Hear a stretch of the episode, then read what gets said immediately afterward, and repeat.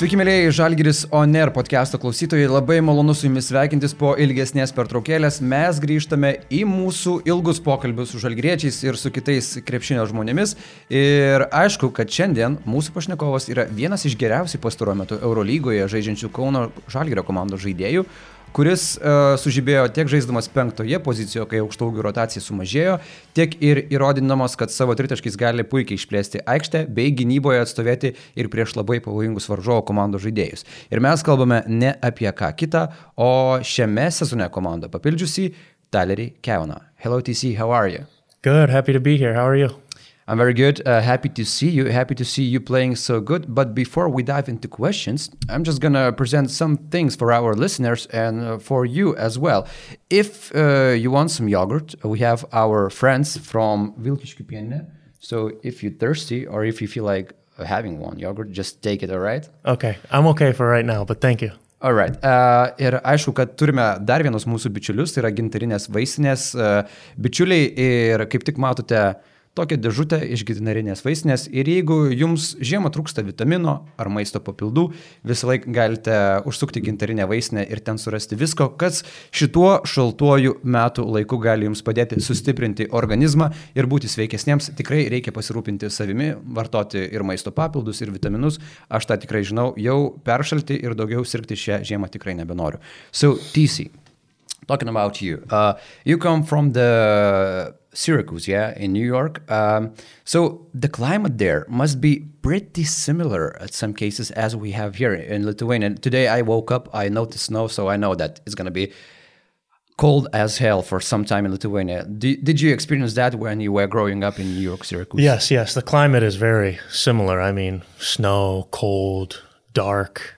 Uh, the it's harder to wake up in the mornings because the sun isn't out, yeah. and then the sun goes down by five o'clock or it's been like four o'clock here lately. So I am used to it, but I, I haven't lived in Syracuse for like 10 years because because of college. And then yeah. this is my fifth year playing pro. So it's uh, I'm getting back used to it. So, but it's it's definitely something I'm familiar with. So it triggers good memories for you, maybe uh, early Christmas memories. Uh, oh, yes. you see snow, so it's Christmas. You know, it's yes. gonna be a good time. No, I love seeing uh, snow around the holidays, Thanksgiving, Christmas. So it was a pleasant surprise when I woke up this morning. Uh, talking about pleasant things, uh, you got your parents coming here, uh, being here for a week, and just, you just mentioned before the podcast that they just already left. So, how did they like Lithuania? How did they like being with you here for some time? It was great. They were here for eight days. They scheduled their trip around home games, and obviously they saw they saw three great, great three great games, three wins for us. What a perfect time! It was perfect. So they love basketball, but we were also able to do some other things. Uh, I took them to Trakai. Um, I took them to the Hill of Crosses and a couple other churches in Šiluva. Is that how you say it? Yeah. there we go. You said it good. Um, so it was great. We had a lot of fun. We relaxed a lot, but it's it's uh, really good just to spend time with them. And I come from a very close family. Uh, so being so far away is hard, but they make the effort to come. Hopefully, they'll come again this year. So it'll be it'll be nice. Uh, do they uh, visit you every time you play somewhere overseas, like you were in Germany, like you were in Spain, and so on? Yes, they did in Berlin, but last year they weren't able to come to Tenerife because of COVID. Yeah. So they actually hadn't seen me play a live basketball game since March of 2020, right before the pandemic. So, so it was like one and a half years. Yeah, it was like the longest time in my whole my whole life that they hadn't seen me play live. So it was uh, it was great to have them make the trip and just be around my wife and I and spend some time together. Not only did they see victories, but they saw you playing so good because over the past four EuroLeague game stretch, you played just amazingly. So, what were they comments after your performances and Žalgiris performances as well? Um, they were very happy. My uh, my mother really enjoyed the atmosphere and the environment, and my dad did as well. And like I said, they love basketball. They really understand the game. So it was they they watch all the games at home. All the games. All the games. So they know they feel the pain that we've been feeling with the losses. So to be able to be here and see the wins and see the crowd and the fans and it was great. It was very exciting and it was a really special trip and it was a special moment to be able to get the first win here in Žalgiris Arena. Yeah. And with them in the stands as well. So, what's the usual agenda after losses and after uh, victories of Žalgiris? Do they try to approach you uh, very, very easily after victories? And if there are any losses, they're like Uh. very cautious about uh, asking you how you're doing. So, what's their drill? Yeah, I mean, they're professionals with it now. I mean, they've been through my whole You career with me. professionals, yeah. Yeah. Um, but no, just text messages, just breaking down the game. And my father will always send me a message like talking about certain things. I You did should have well. I should have done. situation. Yes, I should have done this. Should have done that. Um, talking about everything, but it's great to have a sup- support system like that, and I'm very blessed because my parents, my sisters, and everyone is really behind me. My wife's family as well. So just uh, grateful to have that. So, how many siblings do you have? I have two younger sisters. And they both playing basketball or any sports? Uh, so I'm 27. My other sister is 26. She played Division three college basketball. Yeah. Uh, for a very good team. They went to the NCAA tournament multiple times, and then my youngest sister is 22, 23, um, and she played volleyball. So she wasn't the basketball player, but she's still an athlete. Where that sports gene in your family comes from? Is your father um, a former professional or maybe mother? What happened? Uh, they're both athletic. My father is 6'11, so he's taller than me. Taller than you. Yes, and he played he played basketball, uh, Division three, and then he played one year professionally in London, but he got hurt and then went home and started working and didn't pursue it anymore. And uh, my mother is very athletic and comes from a family of a lot of athletes. She has three brothers and one sister, and she is uh, intense and loves sports, and so I get it from both sides. Uh, my sisters do as well, and I grew up in a basketball family. My cousins all played. I grew up in the gym, going to watch them play and everything, and it's just been a big part of my family's lives, and uh, I'm just grateful for their continued support. So, what it's like when the whole family uh, uh, reunites for, for some kind of occasion, and you, you, just a bunch of people talking about basketball. What's what's like? Uh, it's it's great. I mean, because it's such a big part of our lives, and Yeah.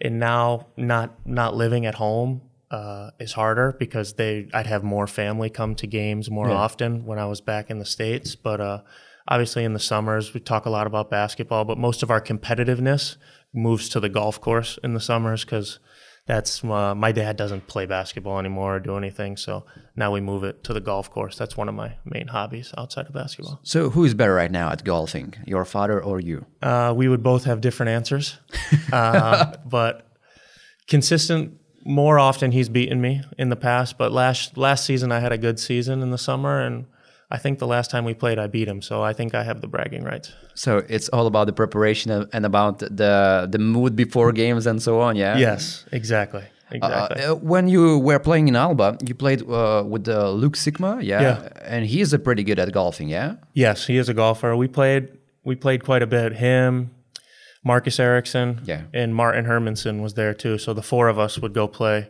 every once in a while, and we had some fun and some good battles on the golf course. So uh, you like Americans, Sikma and Cavanaugh. You were the best ones, or or not, or maybe the Eriksson and uh, Hermannsson.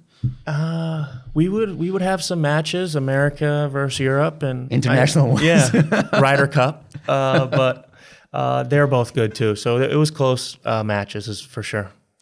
All right. So you talked about how you got that uh, sports gene, basketball gene. Uh, was it from the beginning that you, that you knew that you're gonna be a professional basketball player one day, or I don't know, it happened when you were a bit older, after I don't know those early years?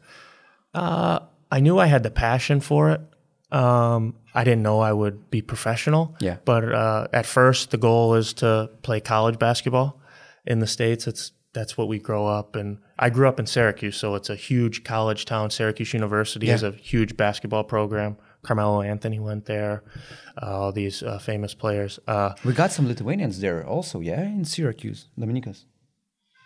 He, he doesn't remember, but yeah, we had Yeah? one Lithuanian. Yeah, yeah. Okay, so uh, I just my my parents uh, let me uh, fall in love with the game on my own. They didn't really push me to play or you have to do this and do that, and that allowed me to really develop the love for the game. And I just kept getting better and better. And as I grew taller, that that helped. And once I uh, finished my high school career and went on to play Division One uh, at a high level, Yeah. I, I knew that playing professionally was a, was going to be a, an option. Was I just didn't know what level, whether that was going to be NBA, G League, Europe, and I didn't know much about Europe. So I just thought Europe was the same. Like it was just Europe. And now after being here, it's like you have all these levels: Euro League, Euro Cup, Champions League, ACB, all these different. So uh, I'm grateful for the position I'm in today, and uh, a lot of hard work went into that, and I just got to continue to try and get better. So at first, in a college level, you chose Wake Forest University Yes. offer. Yeah, uh, was it a possibility for you to play at your uh, Syracuse University, at your home uh, university, or was it not? Yes, I had a scholarship offer there, but uh, I decided I told him no. Uh, I didn't want to playing at home if, for your hometown team. There's a lot of added pressure, Yeah. obviously, and uh, I mean, it would have been nice to go to school five minutes down the road instead of going. 12 hour drive Yeah. um, away, but I thought it was a better basketball opportunity for me at Wake Forest. And uh, that's why I decided to go there and got a lot of playing time at an early age, freshman, sophomore. And then unfortunately, our coach got fired and I decided to transfer. And I went to uh, George Washington. Before that, you redshirted one season. Yeah. Yep. I redshirted at George Washington. And then I played two years at George Washington with Pat- with Patricio Garino, who was here last year. Um, and that was a great decision for me as well because the redshirt year really allowed me to work on my body in the weight room and conditioning and really allow my body to catch up and get stronger and do certain things and really learn the game and take an outsider's perspective. And I had two great seasons at GW and it was, uh, my college career was a lot of fun. I wouldn't change the path I took. Um, and, and we had some good times. Was it a hard to be one season out without uh, the games, without the whole you know madness of the student basketball? Yes. Yeah. It's it's hard to see the guys you're practicing with every day because when you redshirt, you can practice, Yeah.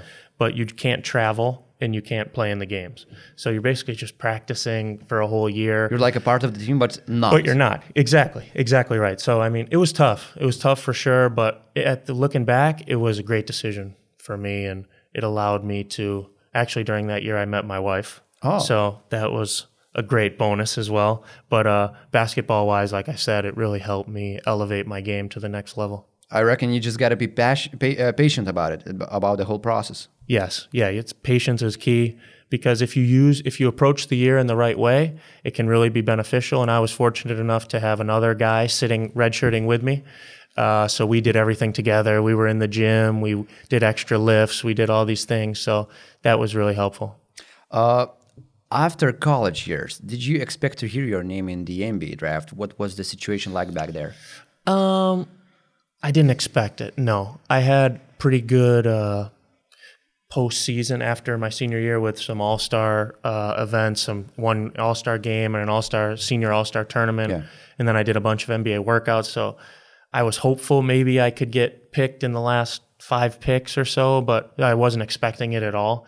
Uh, so when my name didn't get called, it wasn't a surprise, and I I knew I would find a place to go with go to training camp and then go to the go to the G League. That was what we had in mind. So in mind, you just had that activated plan B, yeah, of getting to the NBA of your uh, dream at that time. Yes. Yeah, I mean at first I knew I wanted to give the NBA a shot for one year at least, like whether that was go to training camp and go to the G League and play a whole year in the G League or like what happened, I got to play in the NBA a bunch of games and was a dream come true, a phenomenal opportunity. And in the NBA to be one of those uh, like not there's a lot of superstars, but to be one of those guys, role players, you have to have an opportunity and a little bit of luck. And I was fortunate to fall into a position where I got that opportunity and was able to experience and live out my dream for a, a year. So firstly, you got this two-way contract, yeah, Yeah. playing both in uh, Atlanta Hawks and the G League team. Yeah, correct? Uh, the first game of your career in the NBA got to be versus Cavalier, Cavaliers Cleveland, yeah, Uh-huh. and you you played there not so many minutes, but actually you played versus LeBron James. So Yeah. Could could you tell us a bit the whole experience that you went through that that few minutes on the court for the first time in the NBA atmosphere? and- Yeah. Well, it was crazy because the day before, I got a phone call from my agent. I'm in I'm in Maine, which is uh, in the northeast of the United States, going to a G League arena. I'm on the road with the G League team, and I get a call from my agent. I'm on the bus to practice. Um, and he's because we just I played in one G League game, and then he calls and said, uh, well, "The Hawks have a bunch of injuries. They they want to pull you up for the game tomorrow in Cleveland." I'm like, "What? I'm in Maine right now. How am I going to get to Cleveland?" But I'm like, "Okay, whatever. You just let me know." And and then they figured it all out. I had to take like three flights to get to Three Cleveland. flights. How Yeah. long did it take you? It's not far distance wise, but just the connections were Yeah. bad. And I don't remember exactly. It was a while ago, but then I remember calling my parents, and they were in New York City for uh, my youngest sister's volleyball tournament, and and I told them, well, I'm gonna go. I'm playing against LeBron tomorrow in Cleveland, and they're like, what? The, the. LeBron? yeah, and they they decided to so they drove to Cleveland from New York City. I can't. I think it's six seven hours. Uh, so they were there for my game, and at that time it was they had Dwyane Wade on that team, Derrick Rose, so they had all these guys, and and it was just. But I, when I got on the court, I wasn't expecting to play, and then coach threw me in in the first second quarter, and I was in shock. And then the first possession, I'm running down the court, and I catch the ball to reverse it on offense, and as I'm pe- going to reverse it, I see who's guarding me. It's LeBron, and I'm like, oh, he just must need a rest right now or something. but uh, no, it was a surreal experience uh, and something I'll remember for the rest of my life. Good thing that you didn't have your first game in Atlanta because the, the whole driving or the whole trip would take uh, longer for your parents. Yes, they wouldn't have been able to drive that far. It was it was cool how it all worked out, and the fact that they were able to be there and to play against. I I mean, Dwyane Wade was one of my favorite players growing up, so to play against two of the biggest names in the game, and and it was uh, it was awesome. When the whole shock of the first game fades out, uh, what's the thought process after that? So, okay, right now I'm in the position when I can get this opportunity and to fulfill it.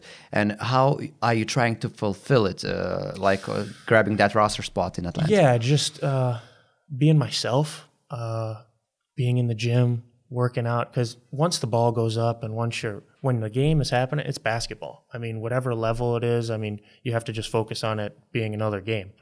Um, and then just being myself, staying in the gym, working out, and just being available and soaking up all the information I can from the coaches or other players, and um, and that's what helped me and to try and continue to grow like I did. And then I got the opportunity in New Orleans. Uh, I was going to go back to the G League the next day, but that game I had a 16 and 6, 16 points, 6 rebounds. It was out of nowhere. And then after the game, What changed then in that game, in your opinion? uh, they left me open and I made some threes. Coach put me in. I They made took some risks. yes, they took some risks. I was open and uh, I made shots. I mean, it was against Anthony. It was a bad scouting by them. yeah, Anthony Davis and Demarcus Cousins, and uh, that was like crazy. I just remember after the game, my phone was just blowing up, and then and then I was able to stay with the with the Hawks for a little bit longer, and was fortunate enough to earn a, a contract for the year, and and then. Uh, then most most of their normal forwards got healthy, and I kind of slid out of the rotation, and so on and so forth. But it was a unreal experience for me to be in that environment, and after watching all those guys my whole life, being able to go from city to city and play against them was really cool. I've read that you were only the second player at that time who got the full NBA contract after getting the two-way contract first. Yes. The first player was Mike James, actually. Yeah. Yeah. Mm-hmm. So, how the news came to your parents when when you announced them that okay, I'm getting this contract? it was kind of in the in the works for a couple weeks because the two way contract was new and you could only have a certain amount of days up with the NBA uh, before they had to either sign you or send you down to the G League. Yeah. So we knew a decision was coming. Like they they either, they either have to sign me or cut me or whatever. And I was playing well at the time. So, but then I just remember when I got the call, I just like broke down and it was a special moment. And uh, I called my parents and it was very emotional and uh, very cool. And it was, like I said, something I'll never forget. After that first season in the NBA, you moved to Utah Jazz. Uh, Once again, uh, you had the opportunity to play for both a G League team and the, the main team. Uh, how how was that situation for you? Did you know before coming to Utah, before uh, making that trip to Utah, that okay, it's gonna be maybe even harder to get a spot there in the main team of the Utah Jazz?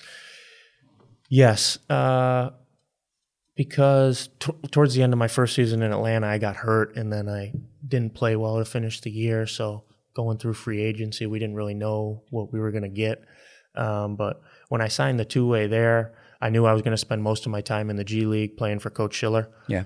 Um, and obviously, because Atlanta at the time was a rebuilding organization, we were one of the worst teams in the NBA. So they give young guys opportunity to play. In Utah was a playoff team.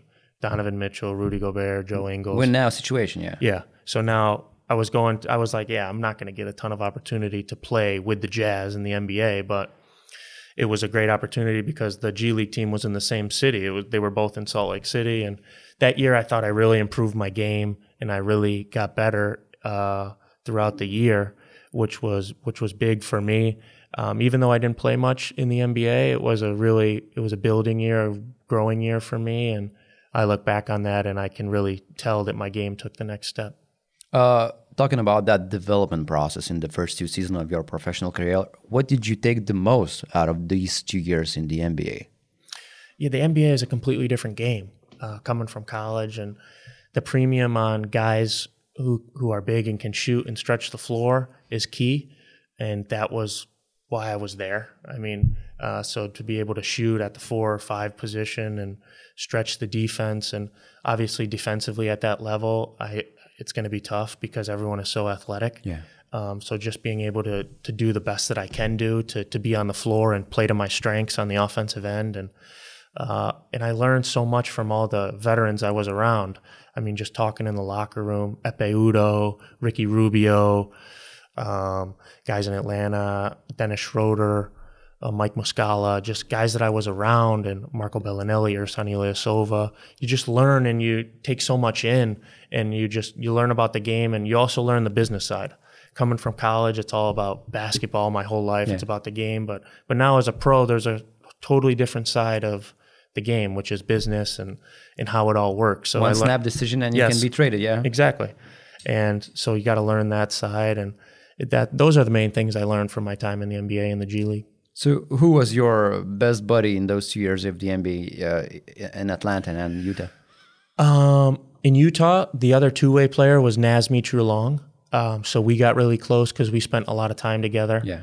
Um, whether we were in the G League together in the NBA, and we got close. And Georges Niang was another player who was uh, with the Jazz. Uh, so I would say those two guys um, were guys that I spent a lot of time with.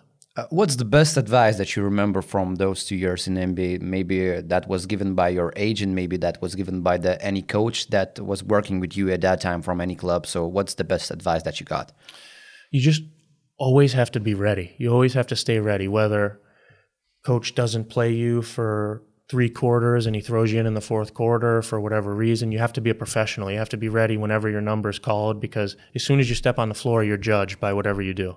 So if if you're not ready for the moment, whenever it comes, you you could sit for four games straight, and then he could be like, "Okay, TC, you're starting tonight," and you need to be ready. So that was the main thing I learned about it because in college, you had a role, you knew exactly what you were going to do, but as like a a 14th, 15th man on a roster in the NBA, you don't know when your number is going to be called. So being professional, staying ready, showing up to work every day, and just doing all the little things. That's the main thing I learned in my time.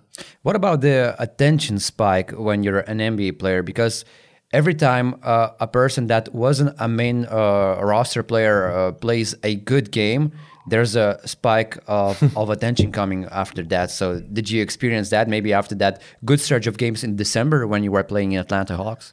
Yeah, yeah, a little bit on social media and certain things. Adding like you on Twitter and so yeah, on. and just stuff like that, and getting uh, certain deals through your agent and whatnot. But it was cool. I mean, it's what you kind of you dream of as a player. You're working so hard, and but like that, if you start playing bad or something, it goes away because yeah. you know so it was cool to experience it it wasn't anything crazy i mean i was in smaller markets and i wasn't like a main guy I wasn't uh, a huge i wasn't rookie of the year or something like that or a big time name but i got to experience a small dose of it and it was a it was a cool experience and it was enough for me. I'm not a big like need to be recognized or a big social media person anyways so the little bit i got was enough. So after these two years in nba uh, your trajectory of the career changed and you moved to the Europe. Uh, was it a hard decision to uh, switch the continent to go playing here? Be because uh, you mentioned that before coming to Europe, you you thought of Europe as a whole that you're gonna play in Yeah. Europe in some Yes. kind of one league. So Yeah. So how was, was- it hard to, to took that decision?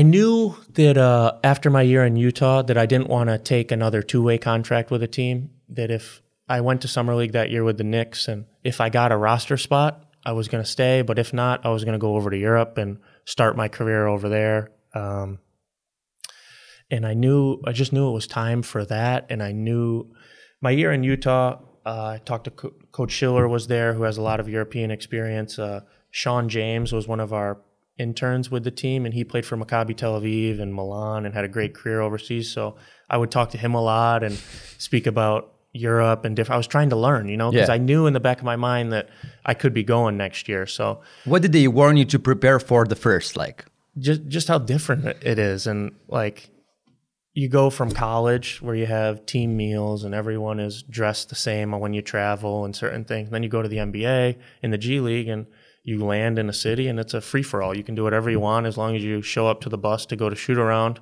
in the game you can do whatever you want no team meals no no one's dressed uniformly on the when you're out and about. So those two years were kind of like now I'm like okay I got to refocus. And now it's all about the team which I like. Yeah, and I really pride myself on that as a player being a team guy and but just getting back into a system like college almost um, that was a big adjustment. But I knew, I just knew it was time for me to uh, make the jump overseas and learn everything I could about the game and I'm still learning about the European game and it's a long process. You know, sometimes for a player who comes from the NBA or from America in general, it's easier to get to the lower level to play like I don't know, maybe not in the EuroLeague or play in the Eurocup, but you jump straight to the EuroLeague, playing for the Alba Berlin. Uh, great, tre- great team with great players and with a great coach Aito Garcia Reneses. Uh, how was the first days of playing there, adjusting to the whole uh, European basketball level, to the whole European basketball system? And Aito has a very unique system. Yeah, yeah. very unique. And so I was being taught things by him that were completely different than what I had been taught my whole life. Like, uh, you're going to guard the passing lane with this hand instead of this hand. And I'm like, well, what? I've been 20 years I've been playing. It's like changing the habit, Yeah, yeah. changing the habit. So it was hard. It was a huge adjustment. Um, and I was fortunate enough to have Luke Sikma there and to be able to learn from him and watch how he played. And because he's a phenomenal player and very intelligent. And I was able to learn a lot from him that year. But the year was tough because it took me so long to adjust to the game and the way coach wanted me to play. And then I got hurt. I finally started figuring out and I got hurt. And then obviously I was out for two months in the rehab. Then it takes me a while to get back in shape and in the rhythm of what coach wants me to do. And then I'm figuring that out again. And then COVID, the shutdown happens. That's So crazy. I just could never get on track that year. But like you said, it was a phenomenal opportunity for me to go right to the EuroLeague. And I didn't know how good a basketball it is and the talent level. I was, But I- when I had- that realization struck you at the, for the first time? oh, uh, the second or third game of the EuroLeague season, we went to Barcelona. And I was playing the five a little bit because we had a lot of injuries. And I just remember I was guarding Tomic, Ante Tomic, and I knew none of the players in Europe. So like coaches would be talking about guys, and I'm like, I don't know anything. And I just remember three straight possessions. He just took me in the post, spin move, this, that, three straight layups. I was like, okay, this this is a little bit different. this is a little bit different. But so it, it just takes time. And I try and tell guys, I mean, if certain Americans that come over and can make that adjustment so quick, that's so impressive. But I feel like for most players, it takes a while. And it's just step by step, learning the game, learning how it's coached, learning how it's officiated. Yeah. And then the Euro League is the best basketball in the world to me. I mean, the attention to detail, the defense, the athleticism, Importance of the game. importance of every game, every possession. I never played that hard in my entire life. Every possession means so much. In the G League, NBA, everyone takes possessions off. The game is longer, the season is the more games. But here, every possession is life or death. Like if you need you need to win each possession to be able to win the game, because if you start if you don't win a game you're supposed to win, then you could play CSKA, Barcelona, and Madrid, and you could have three brutal games in a row that are that are very hard to win. So it just the Euro League is is a different animal, and I'm I'm so happy to be back playing here. That was a main goal for me once I left Berlin, and uh, and it's it's just challenges you in every aspect of your game, physically, mentally, and and uh, I'm grateful for the opportunity. I want to ask you, were you in the situation when you just turned to the ref and you were like, you allowed to do that? In, Yeah. In here? Yeah, I mean the physicality, how they grab you and push you in the paint, and and just certain things is like that's not allowed back back in the states. It's a completely different game. It's two different games, and they still it's still the same, which is it's uh it's shocking to me. So, who hit you the hardest and slapped you right into reality at first uh, part of your EuroLeague campaign here in, in Berlin? Who was that opponent? Maybe that uh, put you in the reality map. trying to think. I know we started one in six that year. Um, Barcelona was tough, um, but even going up against Luke every day in practice, his motor he plays at such a high level the whole entire time. I'm like, dude, you're, you're nuts. Like, let's take it. Let's a relax. practice, yeah. It's practice, but it's not. Every practice is so important, and I'm I've started to really understand that more and more. And I always practiced hard uh, back in the states and stuff, but but it's different. So I couldn't tell you one specific player or one specific possession, but it's just everything as a whole.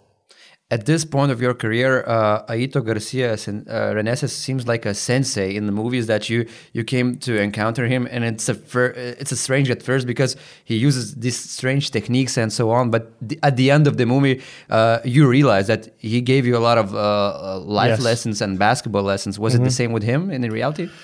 Yes, I learned a lot from him about myself uh, and about basketball and how how it can. There's so many different ways to coach basketball and to be successful.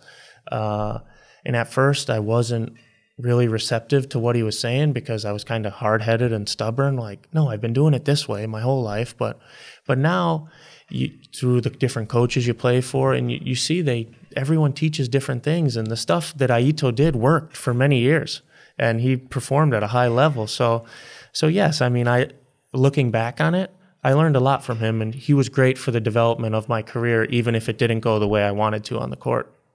The decision to go to Tenerife was it a uh, a plan that is a step back to move two steps forward in the future? Uh, I mean, to come back to the EuroLeague.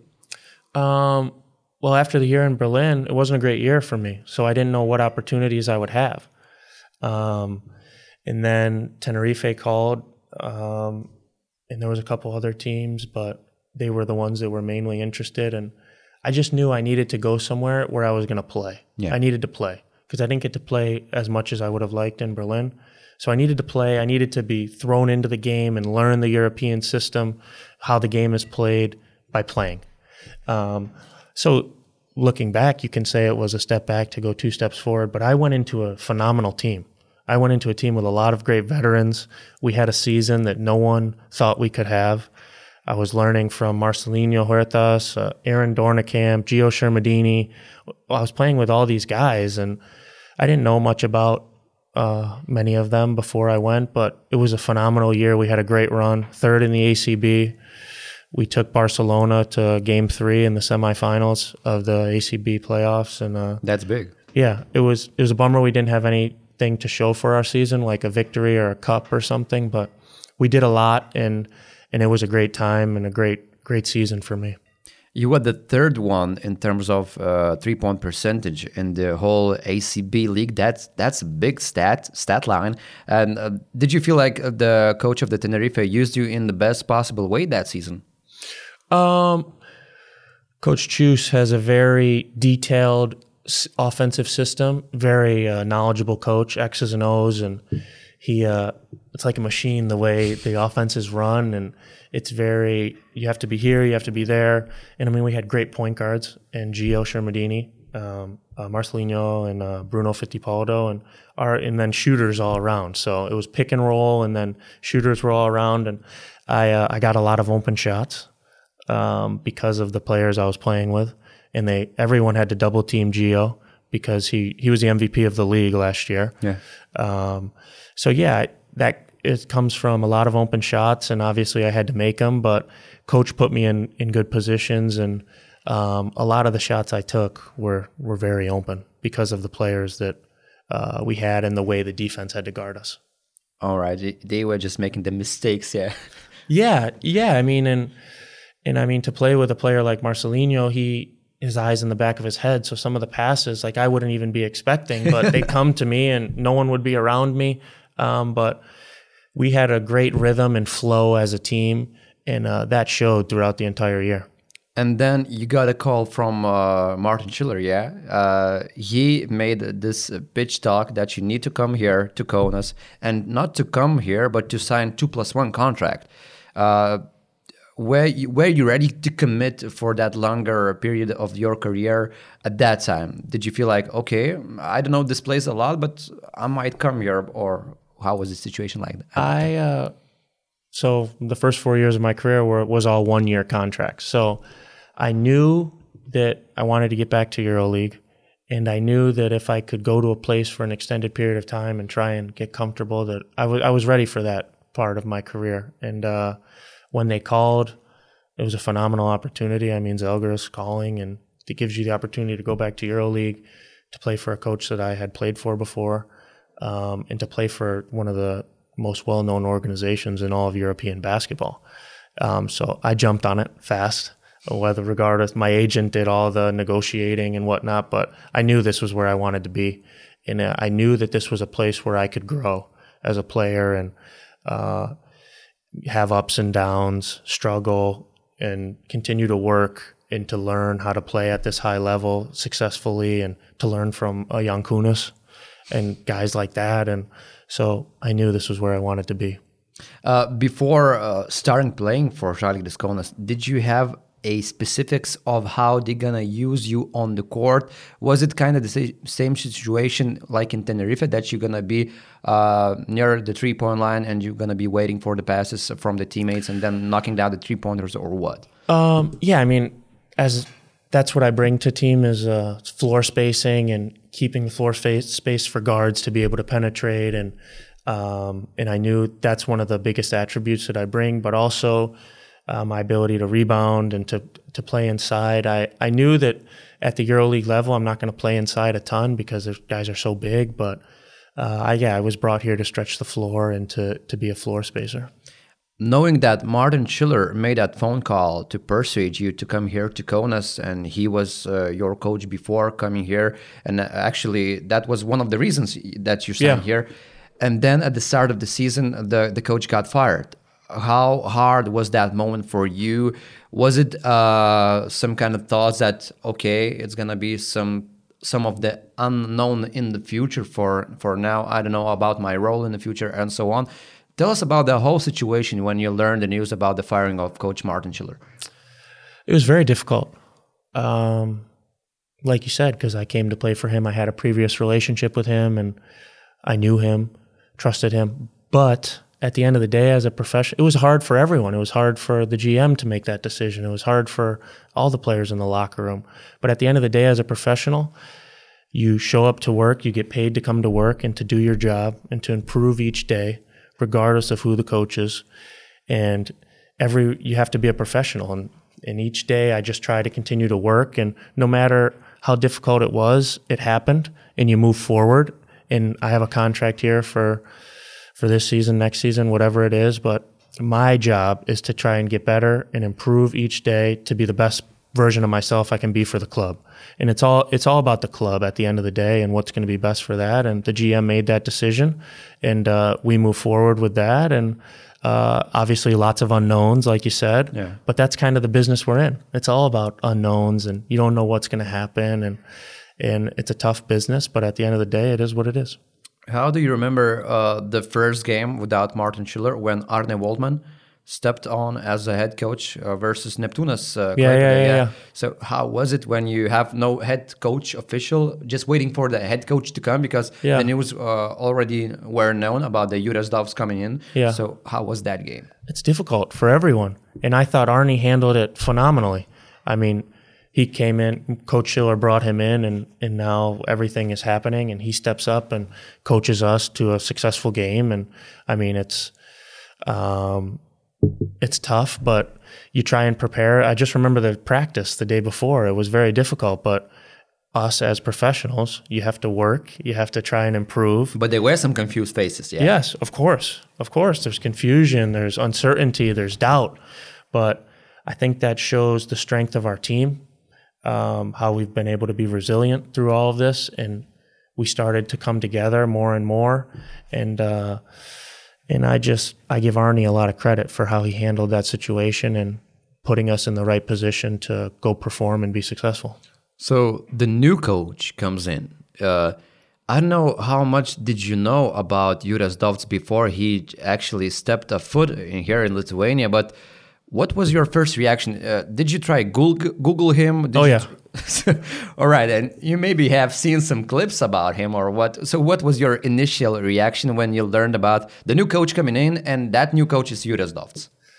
I didn't know anything about him. Like I said, I didn't know much about European basketball, and I'm still learning. But uh, yeah, I Googled him.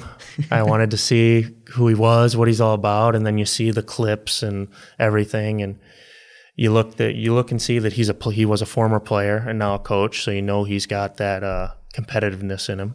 Putting the whole picture together. Yes, and then I asked Giannis because I knew Giannis played for him uh, ten years ago. Um, but but everyone is just trying to gather information, and no one knows much. And and sometimes now I think back and think of how difficult that must have been for him, because we all knew each other, and he was coming in by himself to assistant coaches that had already been here, players, all the staff, and he was the only guy that was new. So it was we thought it was difficult for us, but I, I can't imagine how hard it was for him too. And you're starting to judge a book by its cover, yeah. Exactly.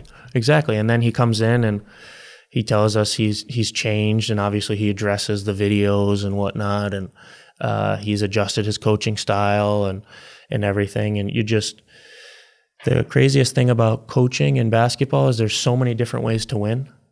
And him and Coach Schiller are very different. Yeah. So at first it's like, okay, we're gonna do this, but but we're used to what we were doing before, and now we have to adjust to what's going on now. But uh, it took time for us to adjust, and we didn't have a lot of practices early on because I think he came in and it was a double week. Yeah, and then we Straight were just going game, game, game. So he couldn't really change much, and he couldn't practice and put his imprint on the team. Um, so we just slowly had to had to grow, and it was a lot of growing pains with more losses. But uh, we uh, we are conti- we starting to come together more and more. Was there a belief when you suffered those losses that okay, at one point it needs to be changed, it, it, it has to change because we're making this uh, improvements to the game, so it's gonna take some time. Was there a belief that we just need to be patient, or I don't know, uh, maybe uh, there was a moment when players lost it, and okay, I don't know what's gonna happen next. Um, patience is hard in this business. Yeah, as a player, as a fan, as a coach, um, but you have to have it and the last three weeks or so, I'd I'd say you could see that we were starting to improve, and I knew it was coming. The first win was coming, and you just have to get that first win to get the in America we say get the monkey off your back, yeah. like all the weight off your shoulders, and and then I think you can play a little more free. Because um, in Madrid, I thought we took a step forward. We battled, and there's no moral victories here, but I thought we battled hard with without Josh, without being so depleted, and we, there were signs. And then coming into this past week, you could just feel it. There was a little bit more confidence, a little bit more connectivity. But getting that first win, it brings everyone closer together, and then you can you know that you're able to do it. You see the result, and then to be able to follow that up with the win against Fenerbahce was huge. So. Uh, I think we have a very resilient group, and that's a credit to the uh, Lithuanians, the the older guys, the captains, keeping us together and leading by example and staying focused. Uh, and that's what I would say. Uh, like you mentioned, there are many ways to win victories in basketball, and not judging one coach or another, but just comparing. What were the first changes that uh, Jure Zdovc brought into the game when you just came here to the team? his main main focus has been defense, uh, aggressiveness, and we aren't the fastest team, we aren't the most athletic team, but if we can help each other and play aggressive and communicate, uh, we can be a good defensive team. And I think we've taken some steps. We're not there yet, um, but we've taken some significant steps to start playing more collectively as a unit on the defensive end, and that, that's shown this past week.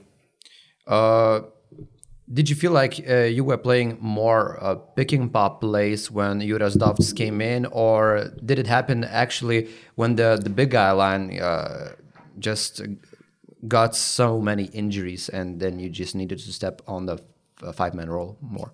Um, yeah, I mean, uh, obviously lately that's been more of the case, playing the five and stretching the defense and putting myself in more pick and pops. And I was doing pick and pops at the four, but most teams switch, so you don't get as much of an advantage, and you have to really work and get separation in so different it's ways. Easier on five position. Yeah, yeah, for sure. Because guys, obviously, I'm smaller and uh, quicker, and can.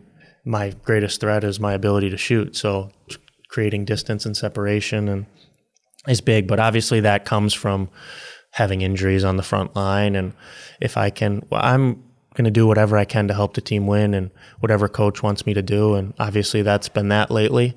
Um, so we will see what happens. How can you explain the fact, but uh, Žalgiris got back on the winning track when you guys were without Joffrey Lauvergne? You were without uh, Paulius Jankūnas. At one point, you achieved the victory without Niels Giffey. Did the whole situation strengthen the team, or is it the game that has been rolling in Žalgiris' favor because you adjusted to the new system and to the players as well? Obviously, it's tough to win with guys like that out. Um, but like I said, we had been improving as a unit uh, and coming together and starting to understand how to play with each other better.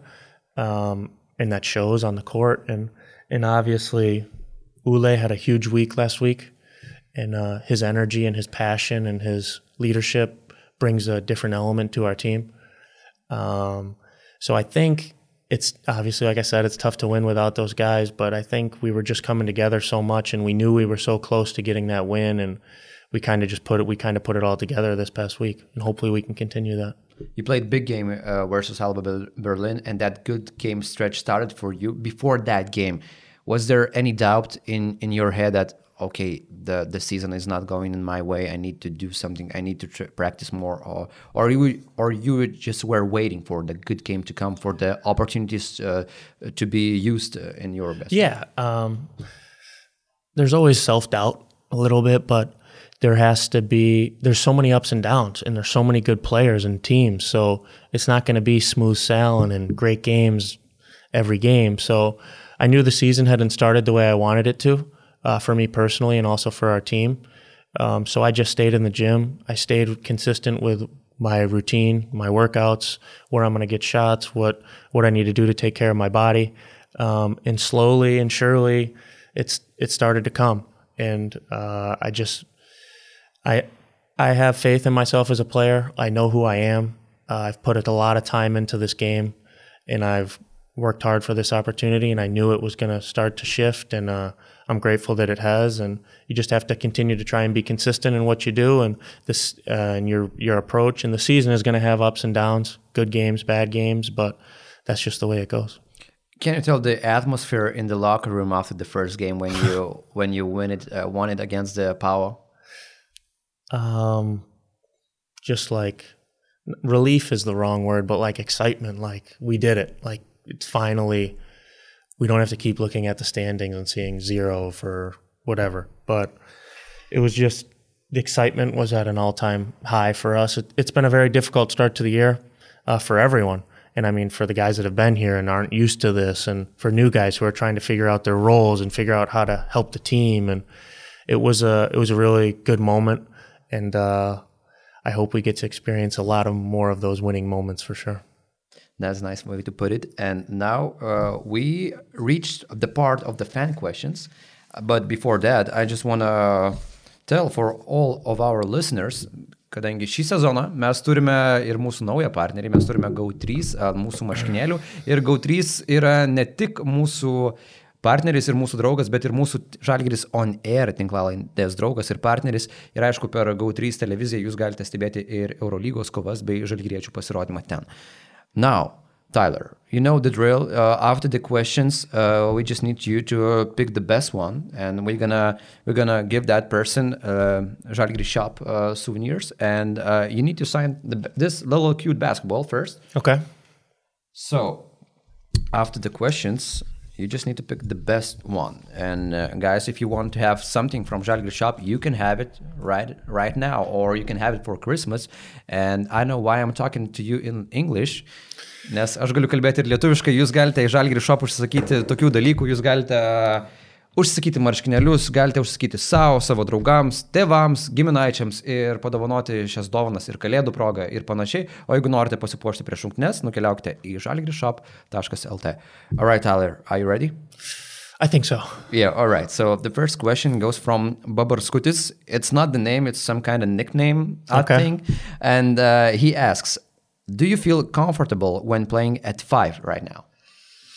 Um, yes, I mean, obviously, when I'm at the five, there's advantages and disadvantages. Obviously, I'm small, short to play the five position, but my ability to stretch the floor and stretch the defense can create a lot of opportunities for us on the offensive end.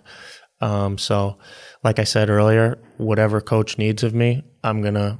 That's what I'm gonna do. And uh, I, I'm. I would say I feel pretty comfortable right now, but it's game by game, matchup by matchup. Everything can change. Everything's change. I don't uh, exactly remember how much did you play versus uh, Walter Tavares uh, uh, in Madrid game, but what was it like to guard him at some at some time? he every time I play against him, and it's been a lot so far in my career, you're just shocked and amazed at how big he is. I mean, he's just an imposing force, and guarding him, I feel like a little kid, like playing with my older cousin or something. But uh, no, it's definitely great opportunity to play against a player like that. And like I said, there's disadvantages at the defensive end, and there's advantages for me at the offensive end playing against him. So that's kind of how it works out. Emilia asks, what was your most memorable shot? The shot you remember the most from your career? That's tough. Yeah, that's a tough question. That's a tough question. Oh, um, trying to think.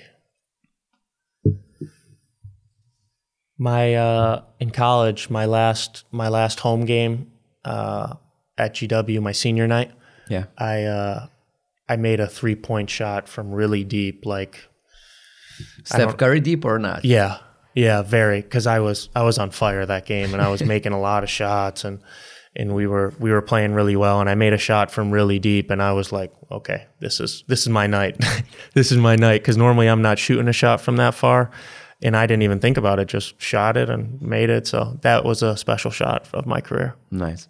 Oster asks, why your number's 34? Does it have a special meaning for you? There's no real special meaning. I I always wore 15, but in like the eighth grade, I was the youngest kid on the team, so I got to pick my jersey number last. Yeah. So in the 15 wasn't available and 34 was, so I chose it and I've stuck with it ever since. Ah, so you just needed to create your special number from Yeah. that day. Yeah. Yes. Uh, Tautudas asks, do you think uh, the EuroLeague is underrated in States? 100%. Yeah, people like I said earlier, it's the best basketball in the world to me and people don't understand how many good players there are overseas and the quality of basketball, the level of basketball and I think they're starting to understand more now with all the foreigners coming to the NBA and being very successful, but they definitely underestimate uh, the level of EuroLeague basketball. Uh, Edgaras asks, what so far do you like the most about Lithuania?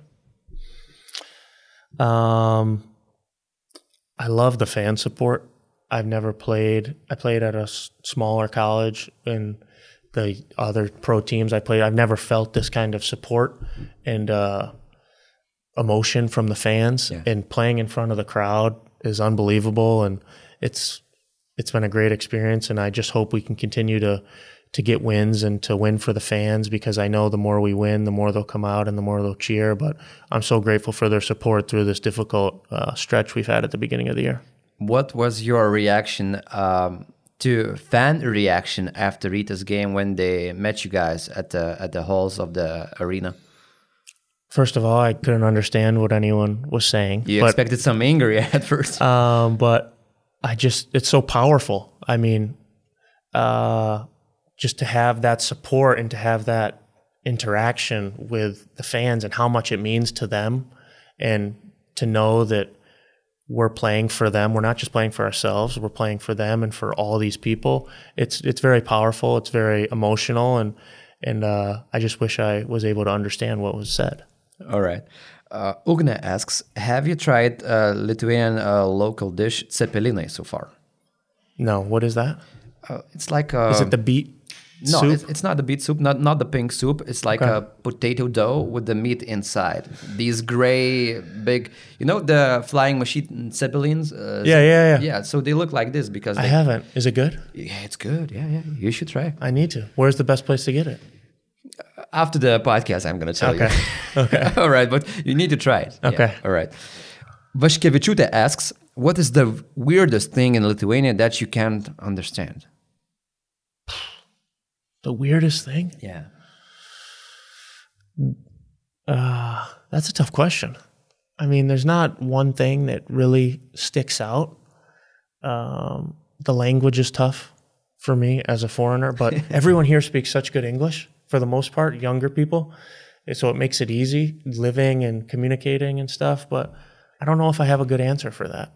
All right. So, So I apologize. yeah, you haven't encountered any stereotypes for of Uh-uh. Lithuanians, yeah? Because in Lithu- I've heard one crazy stereotype about Latvians uh, because you know we are neighboring neighboring Yep. countries. So Lithuanians used to have this stereotype about Latvians that they have six toes. That's weird. That's that's really weird. But Yeah. maybe Yanis doesn't have six toes. I hope. Uh, not, no, he doesn't. I, I can confirm. All right. So we're confirming this. Thomas asks, "Are you ready for Lithuanian winter weather? Uh, hope your house won't get blocked by snow." Yes, I am. I am ready. It's tough going from Tenerife, sunshine every day, to Hey, I here. want to ask you about it. How's But, it uh, li- living the whole year with the shorts? oh, it was something I never experienced in my life. I mean, I didn't even wear most of my clothes. Like, so I'm I'm wearing clothes this year that I haven't worn in two years. But uh, no, uh, I'm ready. I'm excited because winter and snow just reminds me of basketball from my childhood and growing up in Syracuse. Uh, so it's nice. It's gonna be it's gonna be a good year. Do you need to scrub the windshield or you have garage? I have a parking garage, so so I'm grateful for that. nice, nice. Yes. nice. Uh, Viva asks, "Do you know any Lithuanian words so far?" Labas, Yeah, labas. ačiū, Yeah. So you have your starter pack. šviki. Sveiki.